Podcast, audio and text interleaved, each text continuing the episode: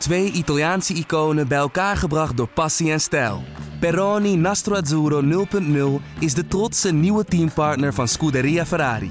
Doe mee met ons en de meest gepassioneerde fans op het circuit, de Tifosi. Samen volgen we het raceseizoen van 2024.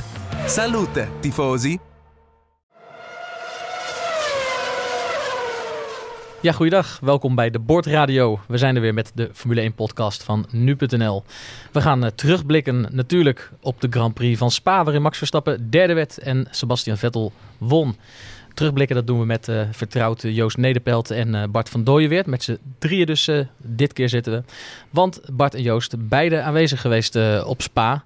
Tussen al die Nederlanders. Heel veel mooie dingen daar kunnen doen en, en kunnen zien gaan we het uh, zo over hebben. Maar niet voordat ik gezegd heb dat jullie natuurlijk ook kunnen abonneren op deze podcast. De Boordradio dus via iTunes of via je eigen favoriete podcast app. Laten we beginnen met uh, wat ik net al noemde jongens. De, Nederland, of de, de vele Nederlanders die uh, naar Spa trokken. Ik begreep dat het iets minder waren dan vorig jaar. Maar het was toch weer enorm, enorm massaal. Ja, ja, er waren twee redenen om aan te kunnen wijzen zeg maar, dat, het, dat het iets drukker leek, of minder druk leek. En ook dat het er iets minder waren. Dat er iets minder druk leek was, omdat heel veel mensen misschien geen oranje shirt mee hadden. En het was natuurlijk niet zo koud of zo warm dat je, dat je alleen maar een shirtje aan kon. Dus daardoor leken het er misschien leek iets minder oranje. Ja, uh, maar ten tweede was het ook zo dat, uh, dat ik sprak een van de organisatoren van die, van die uh, Max Verstappen tribune. En die zei, ja, ze hebben wel wat concurrentie nu van de Hockenheim gehad dit jaar. De, de Duitse Grand Prix die er natuurlijk bij is gekomen. Mensen, het verdeelt zich wat meer over Europa. Ze gaan niet alleen naar Spa. We hebben natuurlijk de beelden gezien uit Oostenrijk, waar het helemaal uh, oranje was ook. Dus uh, ja, het is, misschien ook, is dat ook wel goed dat het zich een beetje verdeelt over de Grand Prix. En niet dat iedereen alleen maar naar Spa gaat, want dan, uh, dan komen wij nooit meer thuis zondagavond naar de Grand Prix. ja, nee, het waren nog steeds tienduizenden Nederlanders. Ja. Het leek inderdaad iets rustiger dan voorgaande jaren, maar inderdaad nog steeds tienduizenden mensen die, die naar de Ardennen rijden om Max Verstappen live in actie te zien. En het is wel echt een, een Nederlandse thuis Grand Prix voor hem. Uh, ik denk dat er meer Nederlanders zitten dan Belgen eigenlijk uh, bij die Grand Prix. Ja, ja, Hoeveel fans zitten er in totaal eigenlijk op Spa? Nou, er waren er nu uh, 90.000 op zondag en in totaal... 250.000 het ja. hele weekend. Ja, precies. Ja. ja. En er waren dan 70.000 Nederlanders, was de schatting. Dus uh, ja, dat zijn er nog heel wat. Ja, en, uh, enorme stoet. Hoe, hoe zat het met, het met de terugreis dan? Want jullie zijn uh, gisteravond allebei teruggereden. Natuurlijk na afloop nog wat interviews gedaan. Een beetje na de grote drukte, drukte of zaten jullie er nog middenin? Ja, Bart heeft al flink in de file gestaan. Ik heb een, nog een half uurtje in de file gestaan, denk ik. Maar op een gegeven moment voorbij VVJ begon het weer te rijden. En dan ben je eigenlijk ook zo weer in Nederland en ook zo weer thuis. Dus het viel eigenlijk best wel mee. Een half uurtje vertraging rond nu ja. acht. Vertrokken een uur of drie na de finish. Dat ja. is nog te overzien inderdaad. Ja. Het is wel erg geweest, ja. Ja, ja want hoe is het voor jou Bart? Jij jij hebt natuurlijk um, uh, vooral voetbalverslaggever geweest. Ook even voor de, voor de luisteraars. Lang voetbalverslaggever gedaan. Uh, sinds dit jaar ook Formule 1. hoe, hoe heb je dat ervaren die eerste keer op Spa? Was het, was het zo'n happening die niet te vergelijken is? Of is het, is het wel te vergelijken qua sfeer en, en grootsheid als een belangrijke WK-wedstrijd bijvoorbeeld in het voetbal? Um, ja, het is toch wel ook heel gemoeilijk die sfeer. Al die mensen die eigenlijk uh, van s ochtends vroeg tot, uh, tot het eind van de middag op het circuit zijn. Uh, in de camping de tentjes in het weiland opzetten. Drie kilometer van het circuit dan naar het circuit lopen met z'n allen. En iedereen loopt door elkaar. Er is heel veel entertainment rondom het circuit. En wordt ook de hele dag gereisd, weet je wel. Dus je hebt niet alleen Formule 1, maar ook Formule 2. Je kon niet alleen voor die ene hoofdwedstrijd, er gebeurt nee, veel meer. Ja. Mm, dus je hebt de hele dag wel entertainment en dingen te doen. En ja, dus het is wel echt een hele happening de hele dag door, ja. Ja, en de, en de sfeer uh, uitgelaten. Ik bedoel, het hielp natuurlijk dat Verstappen de derde werd. Ja, zeker. Uh, ja, de kwalificatie was een kleine domper dat hij zevende werd. Want uh, toen had je nog wel de hoop van misschien dat hij nog in de buurt van het podium kon komen. En in de race uh, pak het eigenlijk al heel snel heel goed voor hem uit dat, hij, dat Rijkonen wegviel. Waardoor hij eigenlijk achter Vettel en, en Hamilton naar die derde plek kon rijden. Dus dat was ja, zeker voor Nederlandse fans heel mooi natuurlijk. Ja, ja, eh, over Nederlandse fans gesproken. Tenminste, uh, kunnen we misschien een fan noemen, misschien niet, dat weten we niet. Maar er is daar een Nederlander uh, opgepakt, of in ieder geval één, omdat er een agent is doodgeschoten. Bizarre uh, voorval in, in de stad Spa. Ja, een paar Nederlanders in een taxi. Voor duidelijkheid wel een kilometer of tien van het circuit Spa-Francorchamps. Dat eigenlijk dichter bij Francorchamps ligt. Maar ja, het is wel inderdaad zo dicht bij het circuit in een Grand Prix weekend dat je wel de link legt. Het is Ja, niet ja. gezegd inderdaad dat het een Formule 1 fan was of iemand die er ook op de tribune zat. Dat weten we nog niet. Maar eh, voor de perceptie naar buiten toe en voor de Belgen eh, ontstaat er dan wel natuurlijk een beeld van hè, wat gebeurt hier. Die Nederlanders komen om hier naartoe. Er wordt een agent doodgeschoten. Ja. Die eh, eh, niet goed voor onze reputatie, zal ik maar zeggen. Nee, ja, ik hoop wel dat de, Belgen begrijpen dat niet alle 70.000 Nederlanders zo zijn. En dat zullen ze gerust wel begrijpen. Maar ja, de, de premier en de koning waren ook helemaal in Spa natuurlijk zondag nadat dat gebeurd was. ja, het ging om een agent tenslotte. Ja, ja, agent die doodgeschoten wordt. Dat is natuurlijk, ja, wie neemt er een pistool mee naar een Grand Prix? Dat vraag ik me ook een beetje af. Maar dat is, eh, ik ga er wel enigszins vanuit dat, hij daar, eh, dat die Nederlander daar eh, was met zijn vrienden voor de Grand Prix. En er was ook een vechtpartij aan vooraf gegaan, begreep ik. Maar Ja, het is natuurlijk heel simpel. Hè? Als er steeds meer fans en steeds meer hoorders die kant op komen, ja, dan zitten daar helaas ook zulke idioten tussen. rotte appels. Ja, ja. Deed dat, eh, merkte je daar tijdens de Grand Prix weekend verder als verslaggever wat van? Of ging, dat, ging het daar ook eh, rond de Formule 1 of in de, eh, rond de pits eh, over? Ja, Nou- er werd wel over gesproken, maar het is niet zo dat, er, dat we er echt iets van gemerkt hebben. Er, er was wel veel politie op de been, maar dat, dat is misschien ook wel normaal tijdens een Grand Prix weekend. Maar het, het werd wel besproken. Ja, het, Jos Verstappen sprak ik zondag nog even in het motorhome van Red Bull. En die, ja, die was ook wel echt verbolgen erover dat dat gebeurd Ja. was. En dat wil je natuurlijk niet hebben, dat dat eromheen sluimert, zoiets tijdens een Grand Prix weekend, wat alleen maar een feest moet zijn natuurlijk. Ja, laten we alsjeblieft hopen dat het een vreselijke incident was en daarbij blijft. Ja. ja.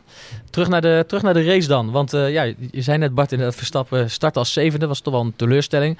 Eh, eh, Joost, jij hebt hem ook voor dit weekend nog gesproken. Toen was hij best wel, best wel opgewekt en hij had er nog wel zin in. Al zei hij natuurlijk van ja, dit seizoen, je moet er niet te veel meer van verwachten. Hè. Titelstrijd had hij al opgegeven. Wat niet heel gek is met ruim 100 punten achterstand. Ehm, maar deze race verwachtte hij niet per se heel veel van. Eh, dus die, eh, ja, dat, dat, eh, dat zei hij ook na afloop natuurlijk. Hij tekende wel voor die derde plaats. Ja, nee, je, je hebt iets nodig nu als Red Bull zijn en als Verstappen zijn om op het podium te eindigen. En ik, ik, denk dat het alleen in Singapore en Mexico misschien op eigen kracht kan. Maar alle andere Grand Prix, dan hebben ze wel iets nodig om, eh, om, eh, om het podium te bereiken. En dat, dat gebeurde nu ook. Rijkonen natuurlijk, eh, die een lekke band had al in de eerste bocht. Dat was een kettingreactie als gevolg van de crash, waar we het straks nog over gaan hebben. Bottas die natuurlijk van achteren moest komen. Ja, dat zijn twee auto's die normaal gesproken voor hem waren gefinished. Kijk maar naar hoe ver Vettel en Hamilton voor Verstappen reden. Dat, dat was zeker 20 seconden als ik me niet vergis. Dus ehm, ja, het zat er eigenlijk niet in. Maar ja, er gebeuren altijd weer dingen tijdens een Grand Prix. En dan kun je altijd zomaar op het Je podium moet geluk hebben, zo kun je van Ja. plek 7 naar 3 opschuiven. Maar moet gezegd, hij reed soeverein, had een paar prima inhaalacties. En, eh, en, en hield, eh, hield gewoon uitstekend stand. Nee, maar dat is ook zo. Kijk, als je de kans krijgt, moet je hem nog steeds pakken. En eh, het inhalen van die Force India's, dat deed hij natuurlijk gewoon vakkundig. En hij had ook van tevoren wel de verwachting dat dat gewoon zou lukken. Dat ja, hij is eh, ook gewoon een stuk sneller. Hè. Dus op zich, het was een mooie inhaalactie bij Ocon, maar hij was er altijd wel langs gekomen. En het was niet zo dat dat, Nee. die inhaalactie nou het verschil maakte of zo. Nee, het was een mooie actie. En, en eh, daar was hij waarschijnlijk zelf ook heel tevreden over. En eh, ja, daarna reed hij eigenlijk in niemands land. Dat was, eh, hij had achter zich eh, 13, 14 seconden op, op Perez. En hij had voor zich had hij, eh, 15, 16 seconden. Dat liep alleen maar op. Ik zat eigenlijk tijdens de race vooral te letten op het gat naar Bottas. Want, Ook dacht dat je ging zeggen, ik zat eigenlijk vooral te gapen tijdens de race. Maar Nou, Verstappen zelf al een beetje. hè. Die ging nog vragen over de boordradio of het misschien nog een beetje ging regenen, zodat er nog iets zou kunnen gebeuren. Want ja, die hoopte hij- hem nog wel een beetje spektakel. En wie weet dat hij dan nog iets verder kon opschuiven. Want hij wist dat plek 1 en 2 natuurlijk gewoon buiten bereik waren. ja, eigenlijk was het zaak vooral eh, om eh, Bottas voor, zich te, eh, of voor te blijven. En dat, dat was makkelijk te doen voor hem. En Bottas verloor ook wel veel tijd in de duels natuurlijk. Kijk, Ja, die- die had een iets te lange weg had hij af te leggen Ja, natuurlijk. hij had wel een hele mooie weg. Buitenom bij Hartley was het volgens mij Eau Rouge. dat was echt een hele mooie inhalactie. Die, Ja. die gaan we nog wel een paar keer terugzien. Maar uiteindelijk, en laten we blij zijn dat het, dat het niet zo is dat een Mercedes die van achteraan start alsnog podium voor Verstappen eindigt. Die gewoon voorin... Dan zijn de verschillen echt te groot tussen dus- de auto's, zover ze dat niet al zijn. Nee, ja, die zijn al, die zijn al flink. En het, het, is eh, natuurlijk niet voor niets dat hij hoopt dat het gaat regenen op een, eh, op een droge baan. En dat gaat de rest van het seizoen gewoon een probleem zijn. Dan door die ja, zwakke Renault-motor komt hij gewoon echt niet in de buurt van de Ferrari en de Mercedes. Nee, het was, een, eh, het was uiteindelijk ehm, ontwikkelde het zich tot een wat eh, saaie race. Ik, ik zat hier op de redactie in, in Hoofddorp met de collega's te kijken. En halverwege de race wisten we eigenlijk al, nou, als Verstappen niet uitvalt, dan wordt hij derde. En dan wordt het wat saaier. Dan ga je natuurlijk wel naar andere aspecten kijken. De titelstrijd en even kijken wat betekent het daarvoor. Maar het, het venijn zat hem aan het begin dit Ja. keer. Met Ja. een, want laten we, het over, laten we het over die bizarre crash hebben. Waarbij ik me, ik ben niet zo kenner als jullie, maar ik vroeg me vooral af, hoe kan dit in godsnaam gebeuren? Wat deed Hulkenberg daar? Te laat remmen. Ja. Is dat alles? En hoe kan dat? Dat je zoveel te laat remt? Want hij klapte er volop. Nou, het was denk ik ook een beetje een schrikreactie. Dat je, je weet dat je te laat remt en dan stamp je het pedaal te hard, te hard in en dan gaan de wielen blokkeren. Blokkeren allemaal. Ja, Ja, dan komt de een hoop rook en dan schuif je gewoon door. Dan doen je... Kijk, eh, dat is het verschil met een straatauto en een Formule 1 auto. Een Formule 1 auto heeft geen ABS. Dus als je, als je het hard remt, dan, blok, dan schuif je gewoon door. En ja, dat is allemaal in een split second gebeurd. En Alonso die stond redelijk stil voor zijn neus. Relatief gezien. En ja, eh, toen werd Alonso eh, passagier in zijn eigen McLaren. En die, eh, nou, nu alles natuurlijk goed afgelopen is, kunnen we zeggen dat het esthetisch gezien een mooie crash was. Maar Mooiste crash van het seizoen, vond ik, ja. ja, zeker. De Maar- echte Formule 1 liefhebbers die houden ook van zulke crashes, hè, als het maar goed afloopt. Als het goed afloopt, Ja. dan zie je, ja, je ziet zoveel energie wat erbij vrijkomt. Al die brokstukken die er rond te gaan. En eh, eh, ja, dat, dat is gewoon heel erg mooi om te zien. Moet ik zeggen, Eh, zeker als het goed afloopt. En het liep ook mede goed af dankzij de Halo natuurlijk op de auto van Leclerc. Eh, ja, want eh, daar was voor het seizoen veel over te doen. Maar nu hadden we eindelijk, hè, tussen haakjes, hè, geluk bij een ongeluk, ja, eh, zo'n voorbeeld van, hey, hier is hij nou voor. Eigenlijk de eerste keer echt dat de Halo zijn waarde heeft bewezen. Hè? Jij is het de eerste keer? Ja, in de, in de Formule 2 in Spanje was er wel ook een, eh, een crash met, eh, waar, waar het een beetje soort gelijk was, maar daar zat het niet zo dicht bij elkaar als nu. En als je de, de onboardbeelden van, eh, van de auto van Hartley, heb ik nog, nog even terug zitten kijken vandaag, die reed er namelijk achter. Dan zie je dat de, de auto van Alonso eigenlijk een soort van beweging maakt, het voorwiel vooral richting de cockpit, richting de helm van Leclerc.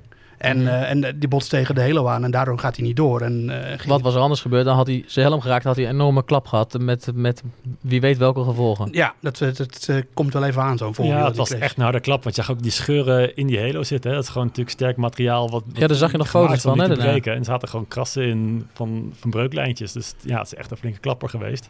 Die die Halo gelukkig voor me heeft opgevangen. Want zelf had hij niet echt last van. Niks, eh ja, Nee. niks Nee, hij. gelukkig, hij was hard eh, nodig, de Halo. Ja. Ja. en Bart, vraag me af, hoe, hoe ervaar je dat dan in het perscentrum? Want jullie zitten in het perscentrum aan het circuit. Eh, op het moment dat dat gebeurt, eh, je hebt dit op beelden gezien, denk Nou, ik, op het moment nog, dat het ik stond eh, bij de start nog even buiten te kijken. Dus ik stond echt in die eerste bocht waar het gebeurde. Oké, je eh, stond er echt met je neus ja, bovenop. Ik, kon eigenlijk net, ik, ik stond eigenlijk waar ze de bocht uitkwamen. Dus ik kon de bocht waar ze op, op afkwamen kon ik niet goed zien. Maar op een gegeven moment zag ik gewoon opeens die oranje McLaren over het hek. Over, ja, het weg- die over het hek. zien, maar ik zag, ja, het hek waar ik tegenaan keek, zag ik opeens een auto over, overheen. oh, zo qua hoogte maar. kon je hem boven... Ja. Jongen, Dus jongen. dat was ook wel, ja, op die snelheid, ja, spectaculair om te zien. En ja, je, je schrikt ervan en toch is het ook, ja... Ja, je hoort de O's en A's dan eh, ja, ook daar langs de kant wel. helemaal- eh. Ja, zeker. En eh, ja, je ook gro grote schermen natuurlijk, waarop je meteen de herhaling ziet en zo langs het circuit. Dus dan, ja, het gebeurt wel even wat, weet je wel. Ja, ja, in zekere zin met je neus in de boter. Ja, Ja, ja. Het was sowieso natuurlijk een best wel bepalend, die eerste ronde voor heel veel coureurs. Want eh, ik, las, of ik hoorde later het commentaar van Martin Brundle, oud-coureur, nog even terug. En die zei, ja, de, eerste, de, de, de ene helft van het coureursveld ging de, de eerste bocht in met de gedachte aan de finish halen. En de andere helft niet. Want er waren niet alleen die crash vond plaats, maar Bottas reed ook nog achterop bij een van de Williams. Ja. Nou, Ricciardo en, en, eh, en Räikkönen reden nog tegen elkaar aan natuurlijk. Dus eh, ja, het, is, eh, het gebeurt niet altijd in Spa, dat- maar het is een, echt een eh, lastige knik.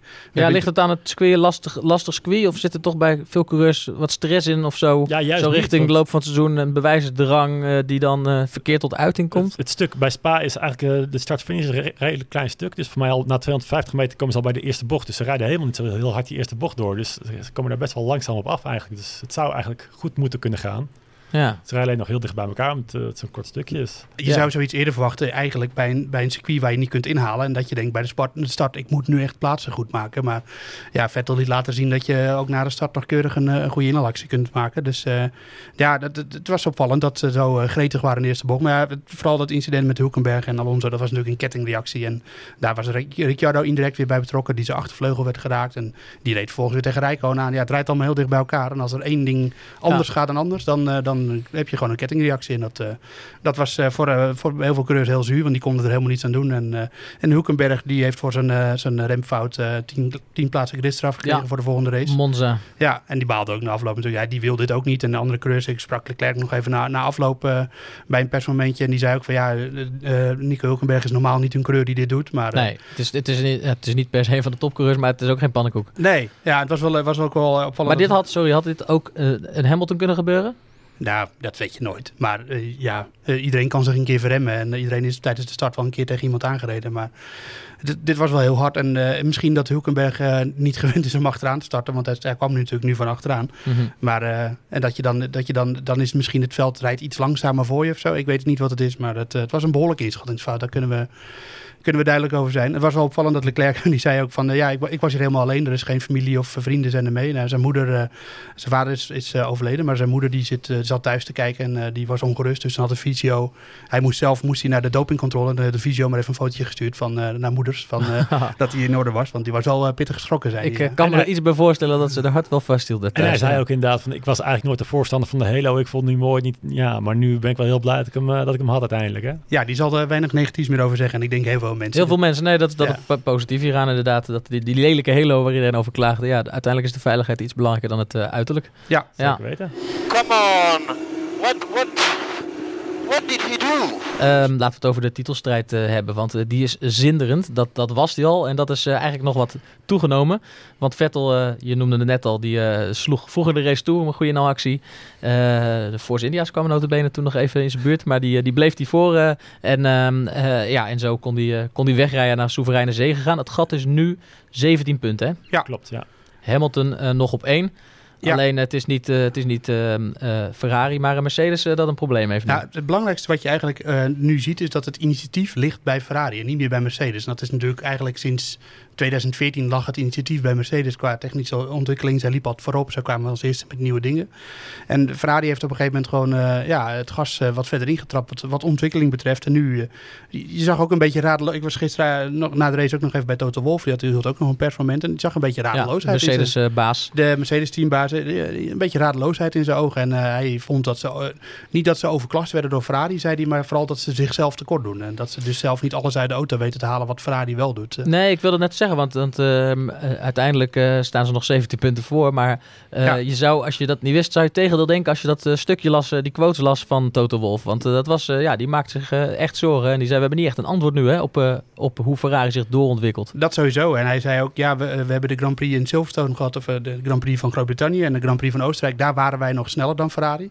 Ehm, alleen sindsdien niet meer. Dus in Duitsland en in, in Hongarije niet. En nu ook weer niet. En in Duitsland en Hongarije won Hamilton natuurlijk wel. Maar dat, dat was om andere reden dan pure snelheid. En diezelfde radeloosheid, die zag je ook wel eigenlijk bij Hamilton zelf. Hè? Op de, de persconferentie na de wedstrijd kreeg, de, kreeg hij de vraag van... eh, Ja, daar was jij je- bij. Ja, werd je verrast door de Vettel jou inhaalde na, in die eerste ronde al?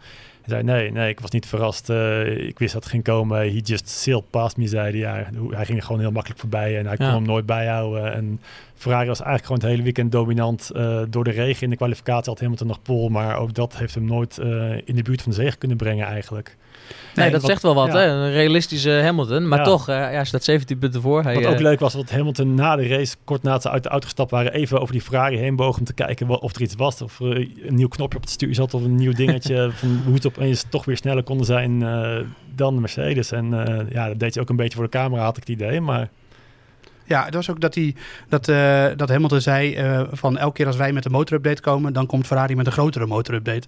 Dat is natuurlijk tekenend voor de radeloosheid. En dat is ook hetgene waar het vooral om draait bij Ferrari momenteel. Die motor van, het is, en het is niet alleen de motor zelf, maar vooral het hybride systeem wat eromheen hangt. Ik zal niet te veel technische details van maken, maar zij hebben, te veel, zij hebben veel meer deployment dan, dan Mercedes heeft. En dat betekent veel meer dat de elektromotor veel meer kan brengen dan dat, eh, dat, dat het bij Mercedes gebeurt. En dat levert vooral heel veel tractie op. En tractie mondt uiteindelijk weer uit in meer topsnelheid. En dat zag je dus met dat moment na Rouge in de eerste ronde. En Vet- Vettel reed er gewoon voorbij. En die heeft dan zijn, zijn eh, motor in net weer in een iets andere stand dan, Mercedes, Mhm. dan de Mercedes staan. En woem, hij was er voorbij. En het, dat, iedereen had wel vermoeden dat dat ging gebeuren. Maar dat het zo eh, simpel zou gaan, dat had ik eigenlijk ook niet verwacht. Maar laten we dat toch een klein beetje technisch eh, maken. Want eh dan vraag ik me af, hoe komt het dat Ferrari er ogenschijnlijk dan beter is, in is om die motor te verbeteren gedurende het seizoen dan Mercedes? Is dat een traditioneel Italiaans dingetje? Nee. Eh, dat zit toch ook In- gewoon in, in de juiste mensen neerzetten en daar energie en tijd en geld in steken? Nou, van oudsher is Ferrari wel echt de motorenbouwer. Die hadden eh, vroeger altijd eh, de sterkste motoren. Niet altijd de lichtste en ook niet altijd de compactste, maar wel de sterkste. En maar ja, de laatste jaren lag dat initiatief helemaal bij Mercedes. En En ook Red Bull die veel beter was in tijdens het seizoen updates doorvoeren Ja. en, en wagen verbeteren. Ja, En Ferrari was daar eigenlijk Ferrari de is... de eh, minste van de, van de topteams. ja, dat, je ziet hem nu veel door de paddock lopen. Mattia Binotto is de technisch man bij Ferrari eh, sinds 2016. En sinds hij gekomen is, is er gewoon, eh, is er, ja, dat, ze hebben gewoon veel vindingrijkheid. En daar gaat het ook om. Het gaat niet zozeer om of je nou de, de- per se één man hebt die dat heel goed kan. Maar het gaat om op Mhm. ideeën komen. En hoe verbeter je de motor? Ja, dan moet je ideeën vinden. En dit testen, dat testen. Eh, en natuurlijk doet Ferrari niet uit de doeken hoe ze dat allemaal gedaan hebben. Maar het heeft in ieder geval op dit moment het meeste te maken met het hybride systeem. Dat is duidelijk. En niet zozeer met de motor zelf. Dus daar, eh, daar hebben ze echt sprongen in gemaakt. En, eh, en nou, daar genieten Rijkonen en, en vooral Vettel momenteel volop van. Al moet je het natuurlijk nog wel benutten. En dat heb je gezien dat het in Hockenheim, Hockenheim niet gebeurde. En ook in Hongarije niet. Dus... eh, Hamilton is een hele snelle coureur en Mercedes is een team wat echt goed kan, kan winnen en weet hoe ze race moeten winnen. Dus ze zijn echt nog niet verslagen. En ik vond Wolf wel iets neerslachtiger dan die eigenlijk zou nou, moeten ik, zijn. ik verwijs niet voor niks al een paar keer op, dat, eh, op de WK-stand. Want Hamilton staat nog eh, 17 punten Ja. voor. Dus in die zin, eh, ja, er zijn al een paar races geweest waarin ook werd gezegd... Ferrari heeft een snellere auto, moet winnen. En eh, wie stond er eh, op het podium op de hoogste treden? Dat was Hamilton. Ja, maar dan hadden ze ook de snellere auto. Maar de snellere auto is geen garantie dat je Hadden. gaat winnen. Ja, en dat is, eh, dat is hetzelfde met, eh, met, eh, met Monza. De, ja, veel topsnelheid. En dan verwacht je Monza heeft natuurlijk lange rechte stukken. Dan iedereen verwacht dat Ferrari daar gaat winnen. Ja, dat moet nog wel gebeuren. Ik verwacht wel eigenlijk een 1-2 van Ferrari. En dan eh, stelt Vettel 1 wordt en Hamilton 3, dan loopt er weer 10 punten in. Ja. Dan, dan is er echt bijna. Dat is er maar 7 punten. En dan komt Singapore. En dat is traditioneel echt een slecht circuit voor, eh, voor Mercedes. En daar is Ferrari over het algemeen ook sterk. Dus Mercedes heeft een probleem. ja, die moet aan de bak. Ja, Eh, laten we nog even dan naar Red Bull kijken. Want we hebben het net over de doorontwikkeling van de, van de auto. Hè, waar Red Bull in het verleden ook aangetoond heeft goed in te zijn gedurende het seizoen. Nog steeds. Nog steeds, Ja. al zitten ze nu natuurlijk met het probleem met die, met die eh, motor. Ja, eigenlijk ook. Ook nog steeds? Nog steeds, ja. ja. Eh, maar wat kunnen we daar nou nog van verwachten? Want ja, Max Verstappen, ik zeg al in een interview met jullie ook, was hij nog best wel opgewekt, maar wel realistisch.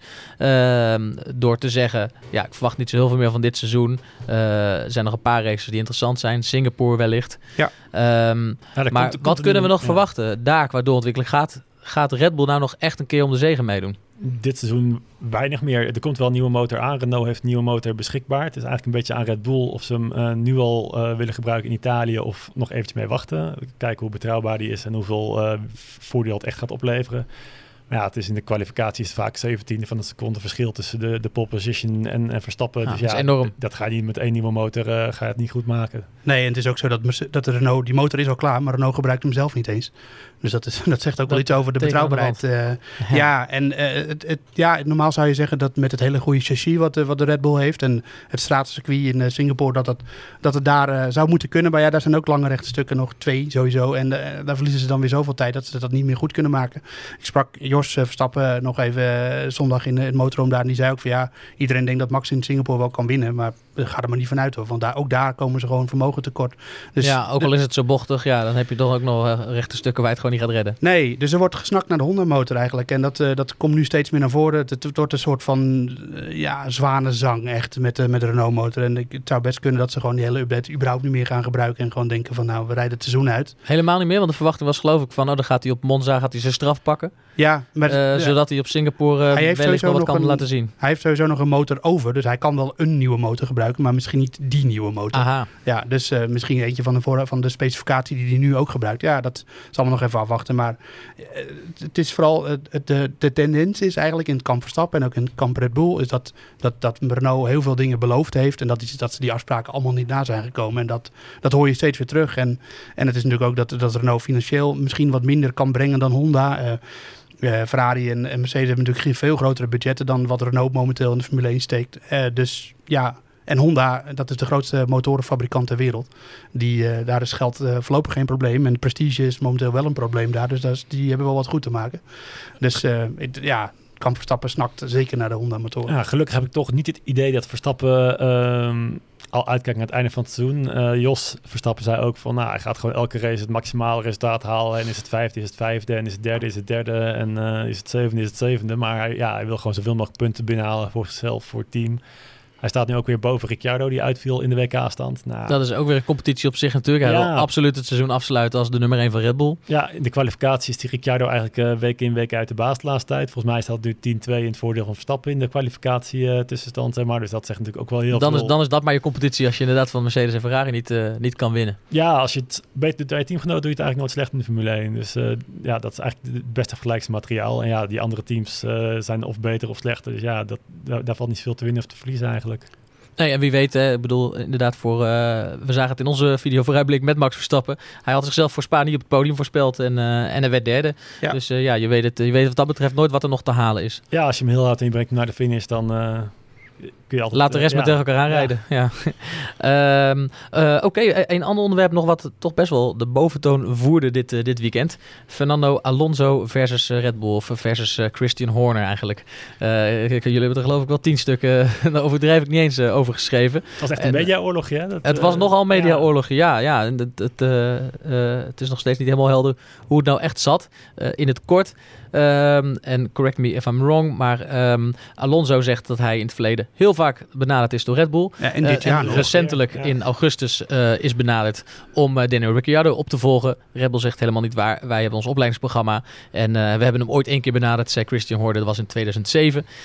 en we gingen nu gewoon voor Gasly. Dat was redelijk snel duidelijk voor ons, want ons opleidingstraject dat hebben we niet voor niks. En Alonso is wat ouder en toen zei hij wat, een paar minder vlijende dingen over Alonso, die vaak wat chaos veroorzaakt. Alonso weer boos. En een, uh, nou ja, een, een, een oorlogje tot uh, gevolg. Ja, nee, ik was zaterdag uh, bij de mediamoment met Alonso in de McLaren motorhome. Dat hij weer, het was niet voor het eerst dat hij redelijk los ging op, op, op Christian Horner. Hij zei sowieso, ja, hoe weet hij dat van mij? Want hij heeft nog nooit bij me gewerkt. En hij zei, ja, ik heb bij twee teams gereden. Renault en McLaren bedoelt hij dan, die me terug hebben genomen. Dus dan zal het ook allemaal wel meevallen. Maar het was wel grappig. Toen werd hij bedoelde die, die quotes over dat Alonso overal een beetje chaos veroorzaakt. Ja, precies. Ja. Het, maar het was grappig, want toen zei, uh, werd er vanuit het uh, journaal gevraagd van hoe komt het dan dat er zo vaak teambazen ontslagen worden uh, bij teams waar jij rijdt? en toen zei, daar had hij geen antwoord op. Hij zei ja, dat is omdat ze oud worden. En de nieuwe teambaas van, van, van McLaren, Gilles de Veran, zei Alonso, ja, die wordt binnenkort ook ontslagen. dus hij maakt tegen met een grapje vanaf. Dat is maar ook dat, Alonso. Ja, maar dat was wel een tekenende vraag inderdaad. En, en, het, is, het is natuurlijk zo dat Alonso, dat, dat is geen geheim, die is van de politieke spelletjes. En daar hebben, dat het zien we soms aan de oppervlakte en dat horen we soms dat dat onder de oppervlakte gebeurt. Maar de grote vraag is natuurlijk, wie is dit een spelletje? Alonso of Horner, een van de twee moet liggen. Ja. Precies. Nou ja, ik dacht ook nog, de waarheid kan ook in het midden liggen. In de zin dat um, is Alonso benaderd. Hij zegt zelf ik ben benaderd. Uh, hij zegt zelf Horner zegt ik heb een contract niet. aangeboden gekregen. En Horner zegt hij is bij ons aangeboden. En toen ja, de, okay. en nee gezegd. Dat, dat is, ja. Precies, er ligt dan wel een van de twee. Uh, alleen ik bedoel meer te zeggen dat het natuurlijk wel zo kan zijn dat het op Alonso is overgekomen dat Red Bull geïnteresseerd is in hem. En dat Red Bull hem zelf niet benaderd heeft. Uh, Liberty Media, de eigenaren, de Amerikaanse eigenaren van uh, Formule 1, die hebben ook gezegd we willen Alonso eigenlijk graag behouden voor de Formule 1. Die hebben wij waarschijnlijk wel meer teams gepost. Is Alonso niks voor jullie? Misschien ook bij Red Bull. Ja, dat is bij het management van Red Bull, uh, van, uh, sorry, van Alonso terechtgekomen. Die het gevoel heeft gekregen van, oh, Red Bull wil me hebben. Terwijl Red Bull dat zelf niet zo heeft uitgesproken. Is dat nog een theorie als, die... Als ik Alonso zou horen, dan is het, was het iets concreter wat hem betreft. En waren, hebben ze echt gewoon gevraagd of je Red Bull zelf gevraagd of hij bij ze zou willen komen rijden. Wie is dat dan namens Red Bull? Ja, dat, dat zei hij er niet bij. Maar de, hm. ik, hij heeft, wil steeds excuses van Horner. Dus ik denk dat hij dan Horner bedoelt. Wat opvallend is, want Horner gaat daar helemaal niet over. Daar gaat Helmoet Marco over. Nee, dat is het gekke. Want sterker ja. nog, uh, hij zei zelf dat uh, Horner hem via de mail al zijn excuses had aangeboden. Na wat minder vlijende quotes en na uh, uitspraken die volgens hem niet waar waren. Ja. En via mail had hij zijn excuses gemaakt. En Alonso zei, nou, ik hoop dat hij, dat hij dit weekend ook nog publiekelijk doet. Nou, Horner zei, wat een onzin, dat ga ik niet doen. Nee. Nu is het de volgende stap. of de enige vraag nog, wie gaat die e-mails naar buiten brengen? Want dan weten we pas echt hoe het zit. Ja, zeker weten. Want de, ik denk niet dat de waarheid in midden ligt. Want uh, je kan niet zo zijn dat er één coureur zegt dat hij zes keer is benaderd, waaronder twee keer in 2018. Ja, door je hebt benaderen en benaderen. Ja, ja hij, zei, hij zei contract aangeboden. Hij zei ja. benaderen, hij zei contract Zei hij dat er zes keer een contract ja. is aangeboden? Ja, dat ze hem gevraagd hadden letterlijk. Ja. dat, de, en, en, en volgens Horner is dat maar één keer gebeurd in 2007. Dan spreekt er één iemand heel erg niet de waarheid. En uh, wie dat zal zijn, ja, dat, uh, dat zullen Als je kijkt, Alonso gaat Formule 1 verlaten. Die heeft niks meer te verliezen. Die hoeft geen vrienden meer te houden. Dus die zou gewoon de waarheid kunnen vertellen. Ja. En overal strijd aan hebben, zou je kunnen denken. Het is natuurlijk niet leuk voor Gasly als hij de tweede keuze is. Nee, nee, zo is het ook. Red Bull heeft er wel belang bij om het niet naar buiten te brengen als het, uh, ja, als het anders is. Dan gaan we speculeren, want Alonso uh, die heeft ook een reputatie en die kan... Alonso is ook een beetje een ratje af en toe, hè? ja, daarom. Dus ja. dat, uh, Ik zie jullie je handen wrijven. Jullie hopen volgens mij dat het laatste hoofdstuk nog niet geschreven is van deze dat is soap. Ook, dat, dat, is ook niet zo. Dat, dat gaat zeker nog een tijdje door. Dit gaat er wel even door, ja. ja. Interessant. Los daarvan, hartstikke jammer natuurlijk dat een fantastische coureur, een kleurrijke coureur als Alonso, de Formule 1 gaat verlaten. Ja, zeker. En uh, natuurlijk was het zonde dat hij er gisteren vroeg uit lag. En in Monza verwacht hij ook niet mee te doen vooraan. Maar eh, daarna in Singapore, dan moet de McLaren weer iets beter liggen. En de McLaren is Ja. echt geen goede auto, laat dat even duidelijk Nee, zijn. vooraan gaan ze niet meer meedoen, toch? Nee, maar hij rijdt wel eh, best wel vaak met dat ding even goed nog weer in de punten. Hè? En Dat, dat zegt toch wel weer iets over zijn kwaliteiten. Ja, Dus, maar eh, ik snap ook wel als je twee keer wereldkampioen bent geworden, vaker bovenin hebt meegedaan, dat je van de achterplek eh niet meer eh, warm of koud wordt. Nou ja, dat was ook opvallend. Dat zei hij natuurlijk ook. Van, eh, als, je, als je een aanbieding hebt gehad van Red Bull, waarom ben je er dan niet op ingegaan? Toen zei hij, ja, maar Red Bull rijdt ook niet mee om de winst. Dus waarom zou ik, dan zie ik dat niet meer als een uitdaging. rij voor een vijfde plek en dat vind ik ook geen uitdaging meer. Nee, toen had ik het gevoel dat hij ook nog even een sneertje wilde uitdelen naar Horner en Red Bull. Dat dat, Dat meer gevoel, de, ja, de, boventoon voerde. Daar is hij nooit vies van om een sneertje uit te delen. Nee, dat, eh, Goed, eh, Alonso is er, eh, is er eh, klaar mee met de Formule 1. Eh, wij zijn denk ik voor nu ook wel eh, klaar en, eh, en uitgesproken over deze Grand Prix. Maar laten we nog heel even naar Monza kijken dan, want er valt nog wel wat, eh, wel wat over te zeggen. ja, vooral wat betreft eh, mogelijke transfers binnen de Formule 1 die nog plaats exact, vinden. daar zijn we weer. Ja, er is één. Er is één hardnekkig gerucht en dat is, eh, dat is opgetekend door Dieter Renke. Dat is een eh, journalist die al heel, lang meedraait in de Formule 1 en die heeft het niet vaak fout. Maar volgens hem is het zo dat het volgende gaat plaatsvinden in, in Monza. Nou, we hebben natuurlijk nu het Point Force, eh, Racing Point Racing Force, Point. Force India team. Dat is van de vader van Lance Stroll momenteel. Nog niet helemaal, maar... eh, dus Stroll gaat sowieso natuurlijk naar Force India. Is Dat, dat voorspelt deze legendarische journalist. Dat Ja, hadden nou, wij niet kunnen zien. Dat, eh, nee, nee, nee. Het, is, het gaat veel verder dan dat. Wait for it. Ehm, dus Stroll, nou, dan moet er natuurlijk eentje weg bij Force India. Dat is Ocon, want Perez zit ook met sponsorgeld daar. Eh, Ocon zou dan gaan naar McLaren, waar Stoffel van Doornen plaats moet maken vanwege, nou, laten we zeggen, niet al te enthousiasme- enthousiasmerende resultaten. Maar ehm, de manager van Van Doornen, die is werkzaam bij Sauber. Ehm, en Sauber heeft eh Eriksson eh, de- daar rondrijden. Nou, dat is ook niet echt een hoogvlieger. En Van Doornen geldt toch nog wel als een talent.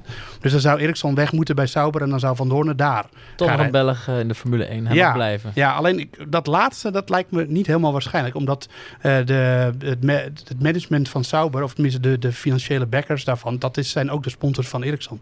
Dus ik denk niet dat die hun eigen coureur zomaar eruit zouden trappen. Maar dat is het enige Ja. wat ik onwaarschijnlijk Maar de vind. grote vraag is ook eigenlijk, gaat het aan het eind van het seizoen gebeuren of gaat het gewoon nu binnen een week al gebeuren? Want dat zou dus ook nog een optie kunnen zijn. Ja, is, het, is het reëel? Dat wordt wel gezegd, ja, het zou heel veel binnen één week zijn, maar Ja, het, er staat wel echt wat te gebeuren. ik, in ik ieder heb vreemdere dingen gezien in de Formule 1. Het, zou wel een van de vreemdste zijn, maar het, het zou kunnen. Ik bedoel, eh, eh, het is een kwestie van een, st- een stoeltje laten maken. En, eh, en dat kunnen ze binnen een paar dagen. En dan zit je, zit je gewoon in de auto. Dat, Het Ja. mooiste was ook Ocon die dus eigenlijk weg moet bij Force India. Niet omdat hij slecht doet, maar omdat het zoontje van de miljardair daar moet komen rijden. Die wordt opeens derde in de kwalificatie, wat totaal niet logisch was.